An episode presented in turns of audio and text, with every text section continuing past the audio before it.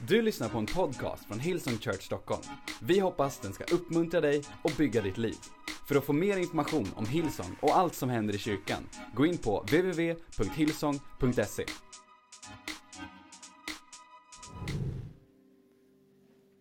I Johannes evangelium kapitel 5 finns inget, bibels, finns inget kapitel jag har predikat så mycket ur hela mitt liv. Om jag fick skulle jag predika från Johannes 5 varje söndag, men det kanske bli tråkigt. Kolla här, Johannes 5.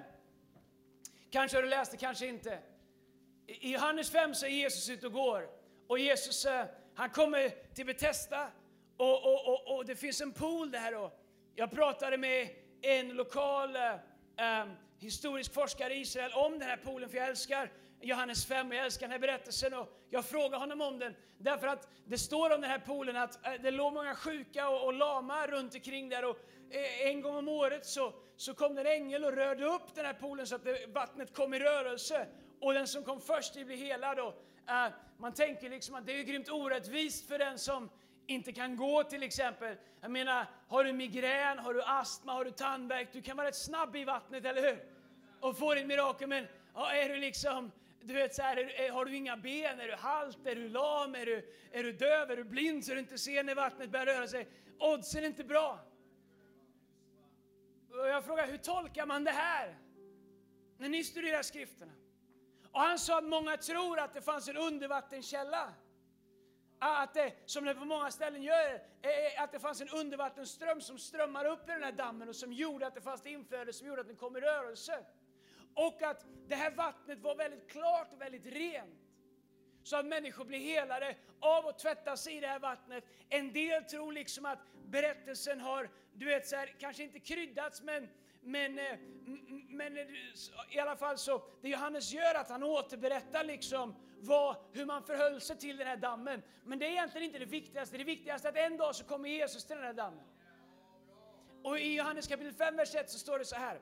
Därefter inföll en av judarnas högtider. Typiskt Jesus att göra saker som vi behöver när religionen tycker att vi inte ska få det. Fel tid. Och Jesus gick upp till Jerusalem. Vid fårporten i Jerusalem finns en damm som eh, på hebreiska heter Betesda. Den har fem pelargångar och i dem låg många sjuka, blinda, halta och lama. Där fanns en man som varit sjuk i 38 år.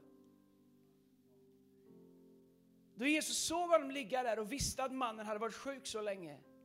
Jag kan bara säga att jag älskar det, den raden. När Jesus såg honom och visste att han hade varit sjuk så länge. Har du någon gång funderat på om Jesus vet hur du har det? Jesus har ännu inte inlett en konversation med honom och frågat honom hur länge har du varit sjuk. Jesus ser en man och vet hur han har det. Om du inte kommer ihåg någonting annat från ikväll, kom ihåg det här. Jesus vet hur du har det. Även om du inte vet, även om du inte ens vet hur du har det, även om du inte tror att han vet det. Lyssna, Jesus vet hur du har det. Och Jesus vet vad du behöver. Vill du ha en titel på den här predikan så heter den Vad, har du, vad är ditt problem? Jag tror vi kallar den det. Och du säger det är många, men låt oss ta ett i taget, okej? Okay? Jesus såg honom ligga där och visste att mannen hade varit sjuk länge. Och han sa till honom, vill du bli frisk? Den sjuke svarade honom, Herre, jag har ingen som leder mig ner i dammen när vattnet kommer i rörelse. Och äh, när vattnet kommer i rörelse. Och när jag själv försöker ta mig dit så hinner någon annan med astma eller hemorrojder eller en enkel åkomma före mig dit. Det står bara i min bibel, jag har special edition. Jesus sa till honom, stig upp, ta din bädd och gå. Bara det skulle man kunna predika om varför Jesus ber, ber honom plocka upp sin bädd. Om jag hade haft tid att predika över det skulle jag predika om att Jesus ber honom take dominion över det som har hållit honom på samma plats i 38 år och ber honom plocka upp det. Men det är en annan söndag, du får den gratis. Genast blir mannen frisk och tog sin bädd och gick. Men det var sabbat den dagen och judarna lackade ur som vanligt. Eller de religiösa här, de, de har lackat alltid ur. några saker, det finns miljoner saker, men några saker som jag upplevde att Gud la upp mitt hjärta som jag skulle vilja prata med dig om innan vi ska be. Jag skulle vilja prata med dig om ditt problem. Vet du vad ditt problem är? Därför att ibland så tror jag att vi inte förstår att Gud har lovat att göra det vi ber honom om. Ibland tror jag att vi kanske tycker att Gud borde bara fixa allt i våra liv. På en gång kan han det, absolut. Men om man bara fixar allting så, jag är inte ens säker på att det vore bra för oss. För vi skulle inte ens förstå vad han har fixat. Vår relation med Gud skulle inte växa. Vi skulle inte förstå hur vi samarbetar med Gud. Vi skulle inte förstå att tro är Guds rikes operativsystem. När Paulus säger att vi lever i världen men inte av världen, att vi är i världen men vi tillhör ett annat rike. Han säger att vi är köpta ur den här världen, och att vi nu lever i det som kallas för Guds rike, även om du bor i Stockholm. I, i, i, i vanliga världen så kanske eh, pengar är det som får en att snurra, eh, kanske eh, makt, kanske kontakter. I Guds rike så är tro operativsystemet. Okay? Det är det som får hela den här världen att fungera, tro. Bibeln säger utan tro är det omöjligt att nalkas Gud eller närma sig Gud. Jag läser 1917 års översättning. Dögen åt Paulus och dugen åt mig. 1917, och, och, och, utan tro är det omöjligt att närma sig Gud. För den som ber till honom måste tro att han är till och lönar den som söker honom. Han säger ingenting är omöjligt för den som tror. Den rättfärdige ska leva av tro, men om man drar sig undan har min själ ingen glädje genom. Bibeln, Guds rikes operativsystem är, är tro. Och tro är konkret. Om, om tro inte appliceras konkret så är tro diffus. Okay? Så, så Jesus kommer till den här mannen och frågar honom om han vill bli hel. Så här, mannens problem är att han inte vet vad hans problem är. Mannen tror att hans problem är att han inte hittar i poolen. Han har så länge legat i sitt problem att hans fokus nu har flyttats från hans problem till det som har blivit hans problem för att han inte har blivit av med sitt problem. Det som händer när vi sitter fast i våra problem är att vi börjar akklimatisera oss i vår problematiska tillvaro och börjar lära oss att leva i det här. Vi börjar lära oss att leva i en relation. Vi börjar lära oss att leva i en destruktiv eh, relation. Vi börjar lära oss att leva med ett negativt, eh, negativt mindset. Vi, vi vill liksom, så det som från början liksom var vårt problem är inte längre vårt problem, för nu har vårt problem skiftat till det som vi har varit tvungna att göra för att, för att existera och, och cope i den här tillvaron som vi är. Är det någon som förstår vad jag menar? Så mannen har nu skiftat sitt problem från det faktum att han inte kan gå, vilket jag tycker är hans största problem, till det faktum att han inte vet hur han ska komma i poolen. Så när Jesus frågar honom om han vill gå, så förstår han inte att Jesus erbjuder honom vägen ut ur det som är hans problem. Så han gör som vi ofta gör när Gud kommer till oss. Han presenterar ett eget problem. För att tala om för Gud varför det Gud vill göra inte är möjligt. Jag är expert på det. När jag upplever att Gud talar till mig om saker som, som kanske han kanske utmanar mig att göra, eller göra i kyrkan, eller olika saker. Jag är expert på att istället för att höra vad Gud säger, ta emot. Och i, jag, jag vet att om Gud säger det så har han också en plan för hur han ska göra det. Det Gud säger, det gör han. Men eftersom jag inte kan se hur jag ska göra det, eller jag inte vet hur, hur Gud ska göra det, så är jag specialist på att presentera ett problem för Gud och varför Gud inte skulle kunna göra det här. Det jag känner att han liksom lägger på mitt hjärta att han vill göra. Det är mitt sätt att hålla mig i min safety zone. Kanske är det för att man inte vill bli besviken. Kanske är det för att man inte förstår, kanske är det för att man inte vill bli missförstådd. Kanske är det för att, att man tänker ingen kommer förstå.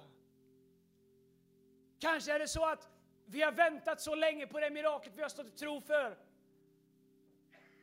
Att vi inte vet vad det är vi väntar på längre. Kanske har en destruktiv vardag blivit en sån verklighet så att, så att du tror att det är det normala. Det, det, det sjuka har blivit det normala och det sjuka är inte längre vårt problem utan vi har skapat nya problem runt omkring det. Titta här, mannen som Jesus kommer till, han får frågan, vill du gå? Men han presenterar ett problem för Jesus istället för att svara, min vän, är du säker på att det du vill ha verkligen är vad du behöver? Det du går med till Gud hela tiden och det du tror att du vill ha, Är du säker på att det du vill ha är vad du behöver? Tänk om det är så att du inte får det du vill ha för att Gud säger det du vill ha är inte vad du behöver. Om jag ger dig det du vill ha så kommer det förstöra för det som du behöver. Därför så ber Jesus, Fader vår som är i himlen, helgat vare ditt namn. Ske din vilja så som i himlen, så kan här på jorden. Det han säger är, ge mig inte det jag vill ha, ge mig det du vet att jag behöver. Gud, det är inte vad jag säger är problemet som är mitt problem. Det är vad du säger är problemet som är mitt problem. Är du säker på att det du vill ha verkligen är vad du behöver? Det andra som händer det här, det är något som vi så ofta fastnar i när vi behöver ett mirakel. Det är att mannen söker efter sympati istället för genombrott. Det är omöjligt för Gud att göra ett mirakel för någon som hellre tar sympati än ett genombrott. Så när Jesus frågar honom, hej, vill du jag ska göra så du kan gå? Så söker han efter Jesus sympati när han förklarar att jag har ingen som hjälper mig ner. Alla bara tänker på sitt. Han vill ha sympati. Sympati känns skönt. Sympati är skönt för själen. Sympati känns bra för stunden. Men det skapar inga mirakler. Jag säger inte att det är fel att få sympati, men jag säger att sympati vad det gäller att skapa e-, ett mirakel, det, det gör ingenting. Faktum är att om det är ett mirakel du behöver, så är sympati lite som att kissa på sig. Först blir det varmt och skönt, men efter en stund så är det allt annat än vad det är bara... Alla som vet vad jag menar så...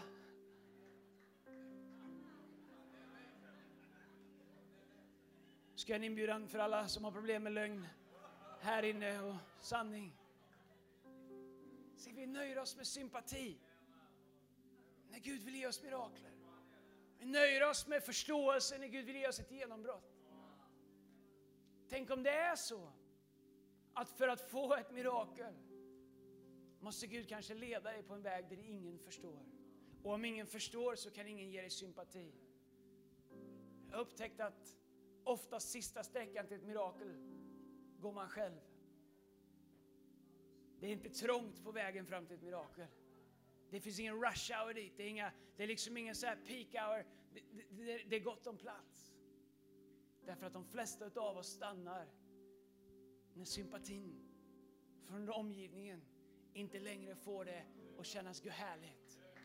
Men sista sträckan fram till ett mirakel kommer vi bara gå när genombrottet blir viktigare än sympatin från andra människor. Så oavsett hur mycket du älskar Facebook så Facebook kommer aldrig ge ett mirakel.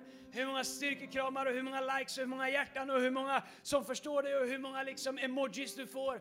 Det kommer aldrig ge ett mirakel. Det kommer kännas skönt, förståelse är bra, jag har inga problem med det. Men jag kan säga mirakel är något helt annat. Mirakel är när Jesus går fram till dig och du undrar om Jesus helar mig, vad ska alla andra sjuka tycka här? Well, låt Jesus ta ansvar för vad Jesus gör och du tar ansvar för hur du ska respondera på det faktum att han som har makt att ge dig vad du behöver frågar dig, vad vill du jag ska göra för dig? Jag ser att Jesus vill att mannen ska vara med och sätta sitt eget mirakel i rörelse. Det här blir tricky. Därför att Å ena sidan säger Gud all grace, all mercy. Han är nåd. Rättfärdigheten är en gåva. Allt vi får av Gud är en gåva. Du behöver inte göra någonting för att, för, för att liksom frälsa dig själv eller förlåta dig själv. Allt, allt får vi från Gud. Du förstår, det är vägen in i ett liv med Gud. Vägen in i Guds rike, vägen in i det här nya livet i Kristus som vi har. Nu när vi är i det här nya livet i Kristus där tro är vårt operativsystem har Gud valt att samarbeta med oss i att sätta det som finns i Guds rike in motion, i rörelse. Så Gud, Jesus han, han vill att mannen ska vara med och sätta sitt mirakel i rörelse. Varför böjd? Tänk vad fint det hade varit, tänk vad enkelt det hade varit att predika om texten var så här att Jesus han går fram till mannen. Ödmjuk som han är, himmelens son, så böjer han sig ner på sina knän med sina sönderbädda jeans böjer han sig ner och lyfter upp mannen på sina axlar och som ett litet lamm utan ben klappar han honom på kinden.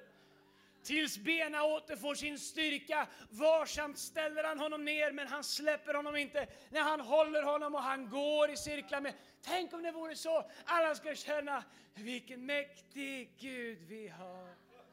Var kom det ifrån? Det gammal sång. Men Jesus gör inte det. Jesus står en bit ifrån honom. Han säger ställ dig upp.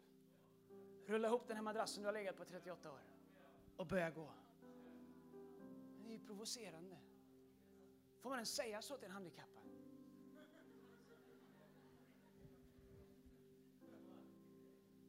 Får man säga så till någon som har lidit 38 år? Får man be någon som hoppas varje gång vattnet kommer i rörelse att det skulle vara hans tur men blir besviken varje gång? Måste man inte ta, ta ansvar för den här mannens besvikelser? Måste vi inte ta hänsyn till det faktum att om han provar men det inte går, att han kanske blir ännu mer liksom besviken och fast i skiten? Well, vad kan vara värre? Hur kan, det kan ju inte bli värre när du har legat i 38 år. Det kan ju bara bli, det kan ju bara bli bättre. Det finns någonting i tro som stavas risk. Det är det som gallrar så mycket. Det är det som gör att vägen fram till miraklet glesar ur sig sista biten. Därför att de flesta av oss är inte riskbenägna. De flesta av oss tycker att Jesus borde komma hela vägen till oss, lyfta oss och bära oss på våra axlar. Och så ser vi, har vi liksom alla de där tavlorna vi har sett av Jesus där han står liksom som en manodepressiv halvpsykopat så här, och klappar på ett lamm på axeln. Så här, och vi tycker att det är så han borde vara. Men Jesus är inte så. Han säger, hej, du som har legat där 38 år, sätt ditt mirakel i rörelse, ställ dig upp, rulla ihop den där förbannelsen du har legat på och börja gå. Hade mannen inte gjort det, hade han legat där än idag. Kanske inte än idag, men han har legat där till han dog. Se om du vill ligga kvar i sympati. När Jesus ber dig att ställa dig upp, så är det inte miraklet det är fel på.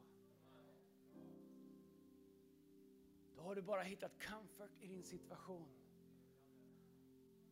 Som känns tryggare och viktigare än vad hungern är i ditt liv efter ett genombrott.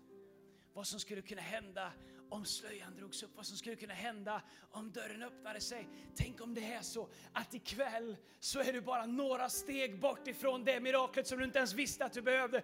Kanske är det ikväll som du ska säga Jesus, jag trodde att det handlade om att jag måste komma ner i poolen, men Jesus visa mig vad det är jag verkligen behöver. Jesus, jag har, jag har gått runt här i så många år och trott att det är det här som jag behöver. Jesus, ikväll öppna mina ögon så att jag kan se vad det är jag verkligen behöver. Kanske det största miraklet för någon här ikväll är att upptäcka vad det är du verkligen behöver. Min vän, vad är ditt problem? Vad är det du vill Gud ska göra för dig? Därför att han är, säger att han är mäktig att göra långt mycket mer än vad du ens vet hur du ska be om. Det finns ingen gräns på hans kraft. Det finns ingen gräns på hans nåd. Hans kärlek tar aldrig slut. Bibeln säger att samma ande som uppväckte Kristus från de döda bor i dig.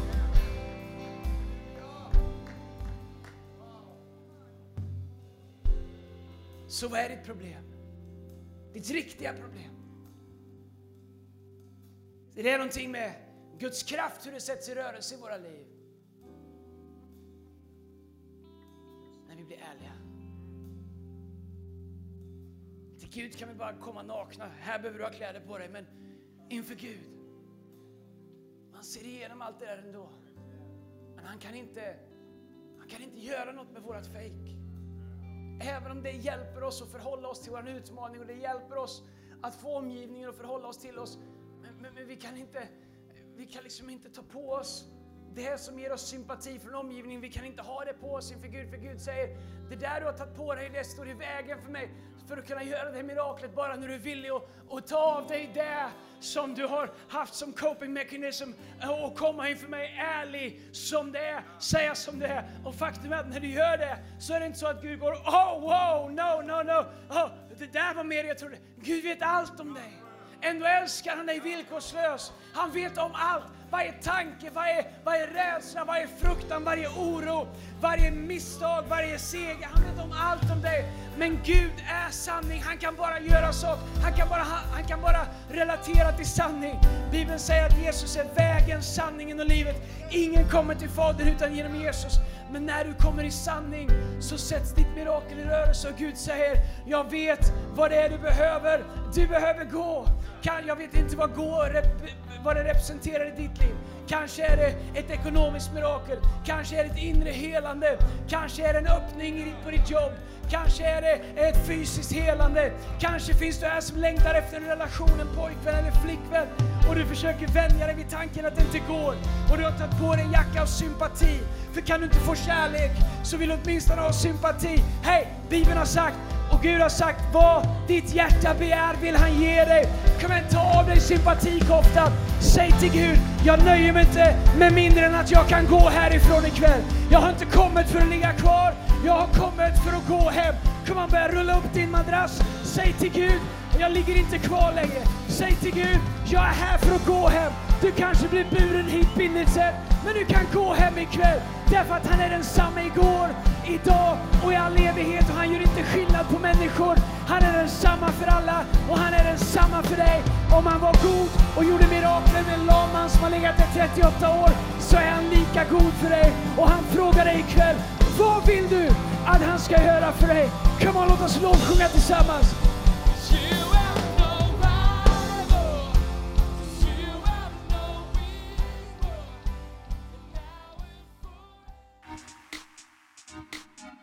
Du har lyssnat till en podcast från Hillsong Church Stockholm. Om du vill veta mer om vår kyrka eller om våra söndagsmöten, surfa in på www.hillsong.se.